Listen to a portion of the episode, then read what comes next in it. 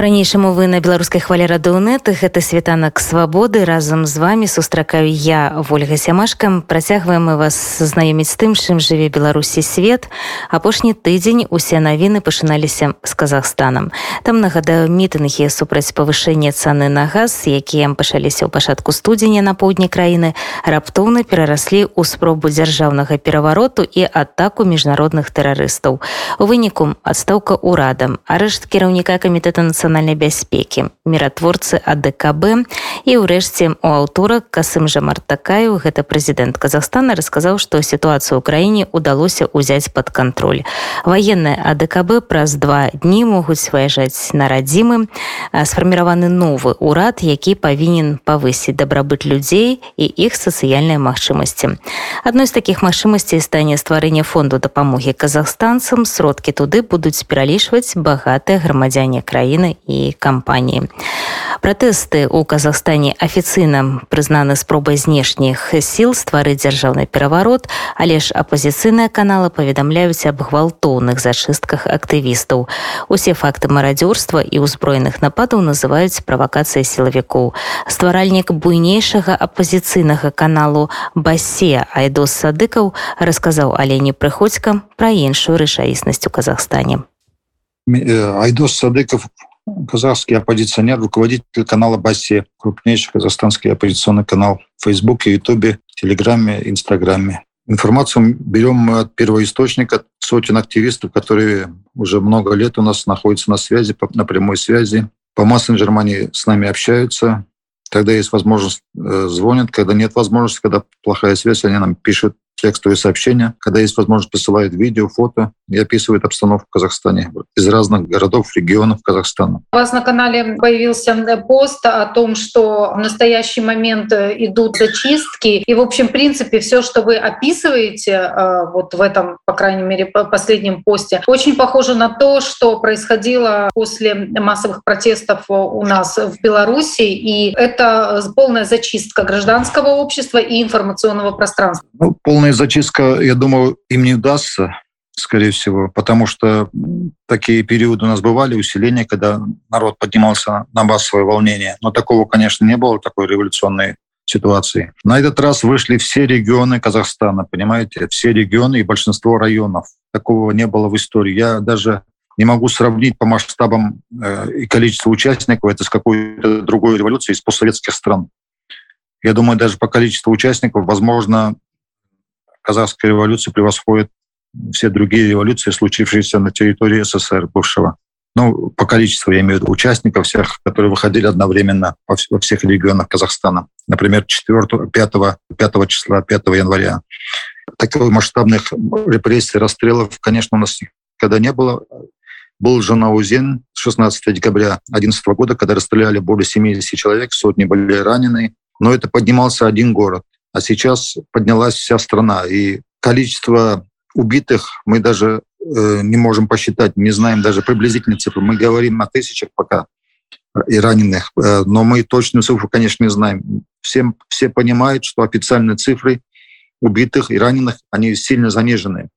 Им нет смысла давать реальную оценку количество убитых, раненых, потому что эти цифры, которые они скажут, тогда это, этим цифрам ужаснется весь мир просто. Понимаете, в чем дело? Что касается того, что забудет ли народ такое событие, я думаю, что власть это понимает, что они попали сейчас в большой капкан. Они понимают, что вот разблокировка интернета, если уйдут войска УДКБ, если даже они не уйдут, останутся в Казахстане, ситуация все равно будет постепенно накаляться. Постепенно или сразу. Я не могу сейчас оценивать ситуацию, потому что все-таки это много факторов там будет зависеть от многих факторов. Поэтому это не забудет. В Беларуси народ выходил на протест, они, там не было открытых таких конфликтов, которые случались в Казахстане. Здесь, как вы увидели, это немного другая, намного другая ситуация. Беларуси не было таких горячих зданий, таких провокаций в виде атаки силовиков захватом зданий, которые организовывали Комитет национальной безопасности Казахстана. Поэтому обстановка немного другая. Власть понимает, что они попали большую, поймали большую проблему, и э, сейчас они пытаются создать, делать, найти группу виновников, организаторов так называемого госпереворота, на которых они попытаются сейчас свалить вину. Э, действующие лица некоторые уже известны. Предполагаем, что трое сотрудников, высокопоставленных сотрудников, которые покончили с собой вчера, скорее всего, тоже должны были войти в эту группу, которым была отведена роль членов ОПГ, членов заговорщиков, которые собирались захватить государственную власть в Казахстане.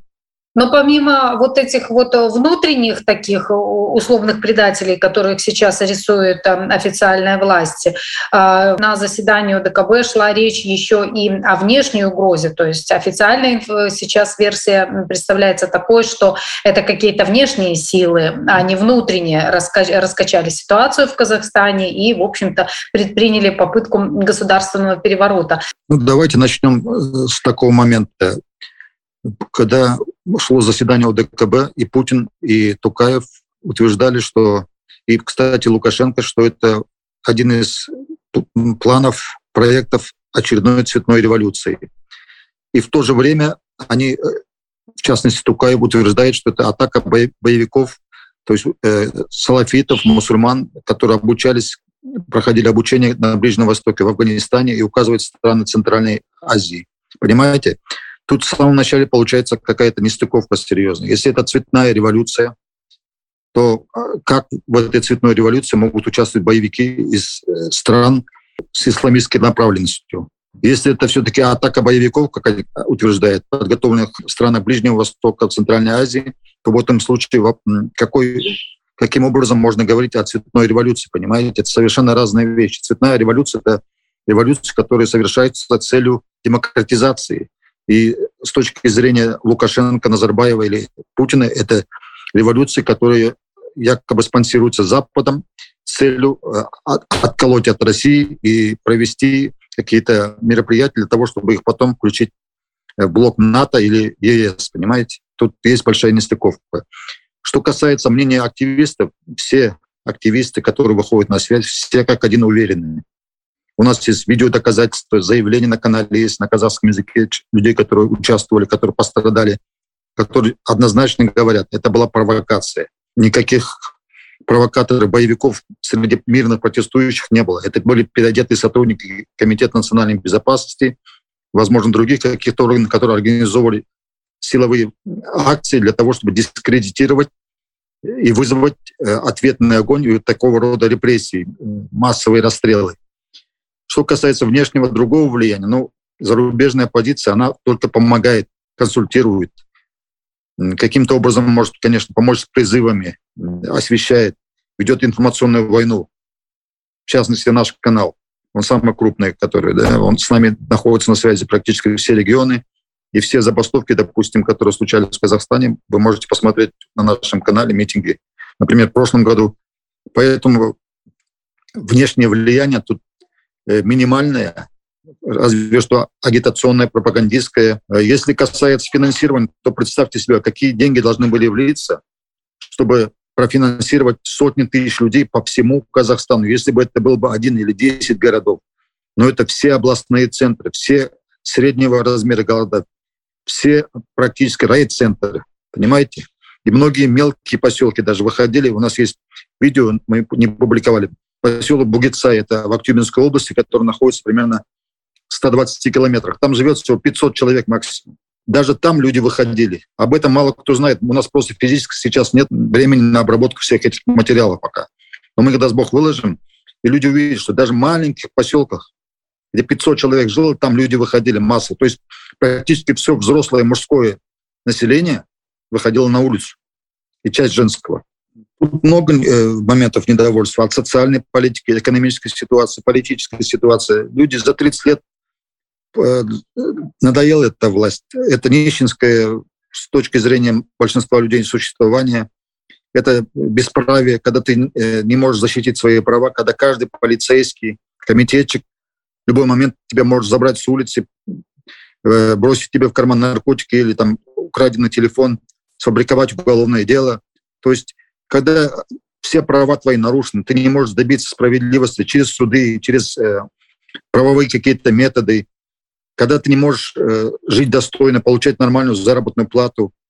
В принципе, ты не видишь будущего в этой стране для себя, для своих детей. Единственным вариантом для того, чтобы изменить ситуацию, остается смена режима в данном случае. Кто не понимает, люди выходили для того, чтобы сменить Назарбаева на Тукаева или еще на кого-то. Люди выходили для смены режима полностью всей клики, которые находятся у власти, которая преступной является, которая за 30 лет обокрала, разграбила страну. У нас есть видео доказательства. Мы опубликовали на телеграм-канале, если не ошибаюсь, позавчера.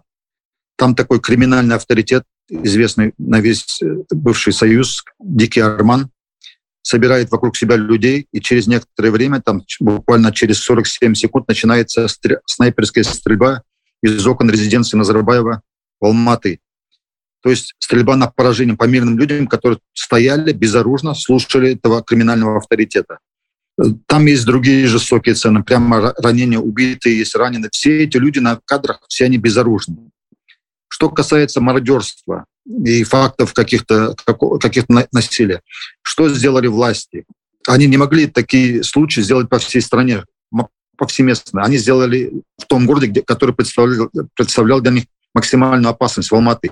Они выпускают из тюрьмы уголовников. Я знаю, что не всех уголовников, это только определенную часть, которая у них находилась на содержании или была э, в качестве агентуры использована. Эти банды наемников, которых они выпустили, начинают организовывать беспорядки, поджоги, избиения, какие-то провокации на улицах. Целом создавая видимость большого неуправляемого хаоса, который случился в Алматы. Что нужно было Тукаеву для того, чтобы ввести такое чрезвычайное положение, ввести войска, а затем и расстрелять людей? Нужен был хороший повод, хорошая картинка, массовые жалобы людей, чтобы твориться беспредел. Они эту картинку сделали в Алматы. В других городах такого беспредела не смогли сделать. После чего показали это на весь мир, ввели войска, отключили интернет. Начались заниматься подавлением революции.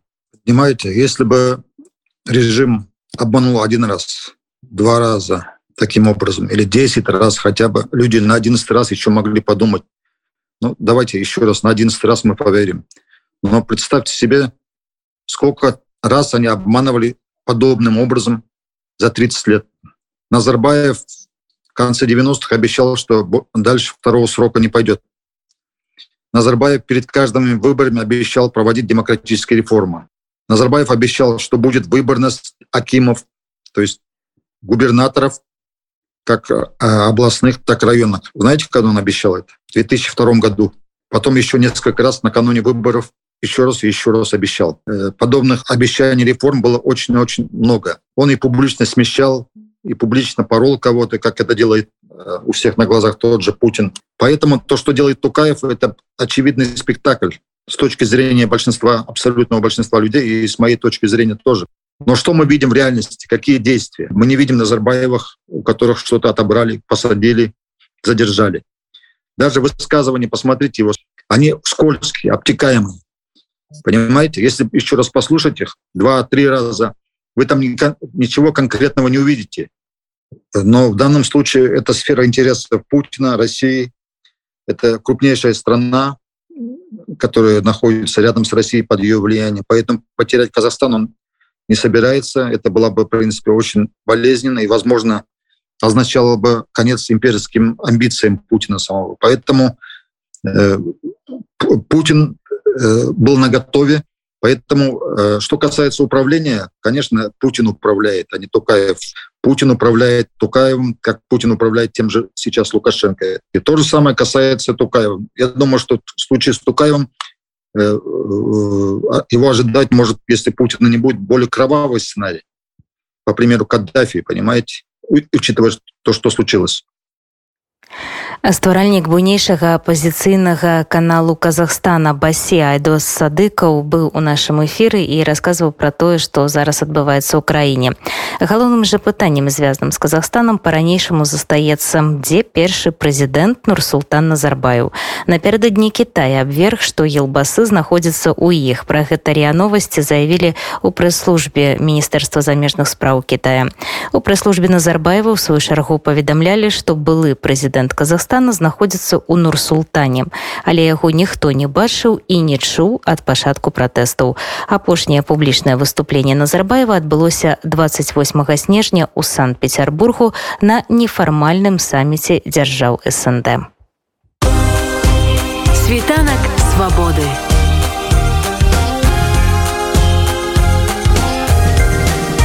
wolności.